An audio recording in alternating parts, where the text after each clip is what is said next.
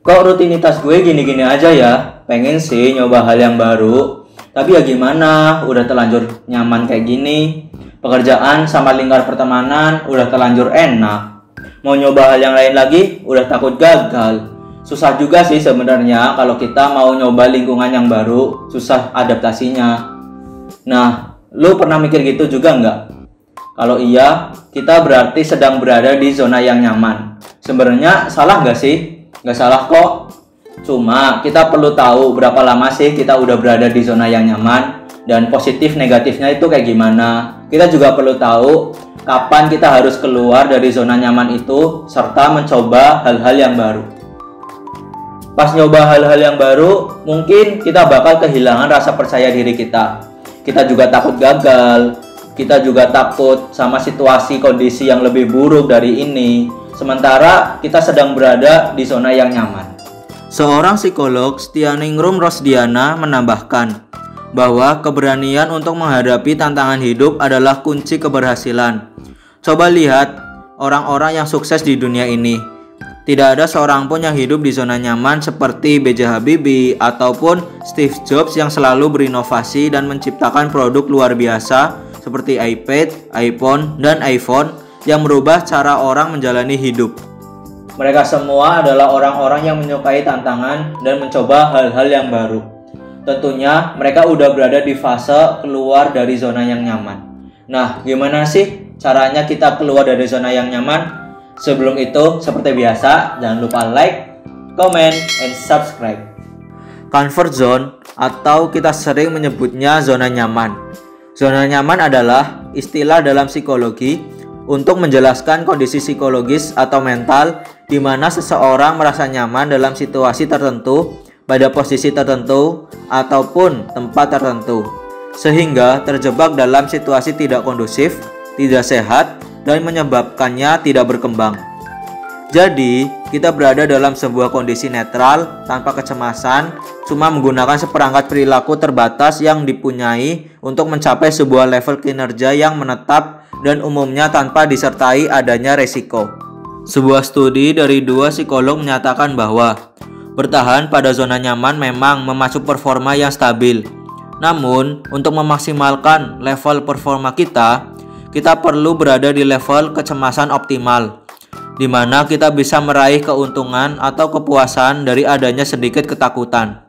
New York Times pernah menyatakan jika seseorang terlalu nyaman, dia jadi nggak produktif. Terlebih, sisi negatif dari zona nyaman bisa membuat seseorang jadi asik di suatu tempat atau situasi sehingga tidak mau pindah, tidak mau berusaha, tidak mau mencoba hal yang baru, atau tidak mau berkembang, sehingga tidak bisa mengaktualisasikan dirinya dan mentalnya pun bisa melemah. Pada akhirnya, rentan mengalami gangguan mental lainnya seperti mudah stres, mudah depresi, gangguan kecemasan, bahkan mempengaruhi kesakit fisik. Jadi, sebenarnya kita tuh bisa belajar dari para pendaki gunung. Di awal, mereka nggak mungkin langsung mendaki gunung Everest. Mereka mulai dari gunung-gunung yang ketinggiannya lebih rendah. Kalau mereka sudah di titik tertentu, mereka akan mencapai performa yang stabil. Kemudian, terus mendobrak performa diri mereka lagi hingga mereka sampai ke puncaknya. Memang nggak mudah sih buat memulainya, tapi bukan berarti itu mustahil. Gue ada beberapa tips nih buat lu lakuin biar bisa keluar dari zona nyaman ini. Yang pertama, temukan minat dan bakat lu. Pahami diri sendiri secara jujur untuk mengetahui minat dan bakat. Lu bisa tonton video kita sebelumnya tentang mengenali bakat. Bahkan, udah kita kasih rekomendasi tes bakat di situ. Nah, kita juga bisa mengetahui kekuatan dan kelemahan kita. Kalau udah tahu, saatnya buat goals yang baru dan fokus sama goals itu. Saran gue sih yang menuju pengembangan kekuatan, sedangkan kelemahan itu bisa lu jadikan batasannya. Nantinya, lu akan tertarik untuk mencoba hal-hal yang baru yang sesuai dengan goals itu. Misalnya nih, lu suka gambar, udah masuk jurusan seni. Makin ke sini bisa aja lu penasaran sama bisnis. Nah, lu bisa bikin goals untuk belajar bisnis, barangkali produk seni lu bisa diperjualbelikan dengan marketing terbaik. Yang kedua, baby steps. Ya, maksudnya di sini yaitu kita melangkah sedikit demi sedikit. Penelitian Harvard menyarankan bahwa breakdown goals atau tujuan-tujuan lu semua itu dijadiin langkah-langkah kecil yang sifatnya harian. Ini adalah cara termudah untuk meraih sukses besar. Contohnya, pas mau mulai bisnis, lu bisa mulai dari mewawancarai seorang pebisnis setiap harinya. Nanti kalau lu istiqomah, tanpa sadar, lu udah melangkah jauh dari zona nyaman. Yang ketiga, memahami ketakutan. Mungkin sering kali terbesit takut gagal, takut adaptasi, takut nggak mampu, dan ketakutan lainnya.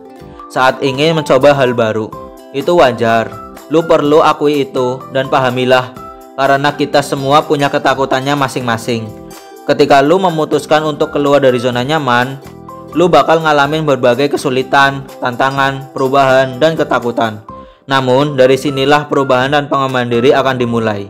Orang yang sukses percaya kekuatan dari sebuah ketakutan ini dan mereka nggak pernah mau berada di zona nyaman. Tips yang keempat yaitu cobalah hal yang baru itu sampai lu merasa nyaman. Setelah menemukan hal-hal yang baru, melangkah kecil dan memahami ketakutan lu, tetap stay di hal yang baru itu sampai lu benar-benar merasa nyaman. Hal ini memang membutuhkan proses yang nggak instan dan rasa tidak nyaman ini akan berangsur-angsur hilang dan lu secara nggak sadar udah melangkah keluar dari zona nyaman. Terus katakan, gue bisa, gue pasti bisa. Tips yang kelima yaitu menemukan dukungan. Tidak ada pencapaian besar dalam sejarah manusia yang dilakukan seorang diri. Bahkan seorang raja pun masih memerlukan penasehat pribadi. Oleh karena itu, temukan circle yang bisa saling mendukung untuk tetap berada di zona keberanian atau zona bertumbuh dan mencapai tujuan yang baru. Temukan teman yang juga memiliki keinginan yang sama untuk membangun kemampuan di luar zona nyaman. Terkadang berteman dengan orang yang memiliki karakter pengambil resiko akan membantu lo menjadi lebih berani. Tips yang terakhir yaitu menghargai diri sendiri. Kalau lo udah ingin dan mulai mencoba satu hal yang baru, hal itu merupakan sebuah kemajuan. Jangan lupa berikan penghargaan terbaik bagi diri sendiri. Yang terpenting adalah lakukan hal-hal yang baru di luar zona nyaman dengan perasaan senang dan bahagia. Lakukanlah sesuai batas kemampuan lo dan jangan terlalu memaksakan diri terlampau jauh sehingga malah menyiksa diri sendiri. Nah, makanya penting mengetahui kekuatan dan kelemahan lo.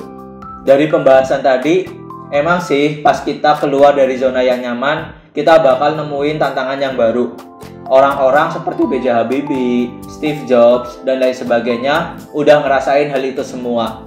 Semoga setelah nonton video ini, lu dan kita semua bisa lebih berani untuk keluar dari zona yang nyaman. Sekian, gue Nafi dari NR Kreatif. Keep smile and see you.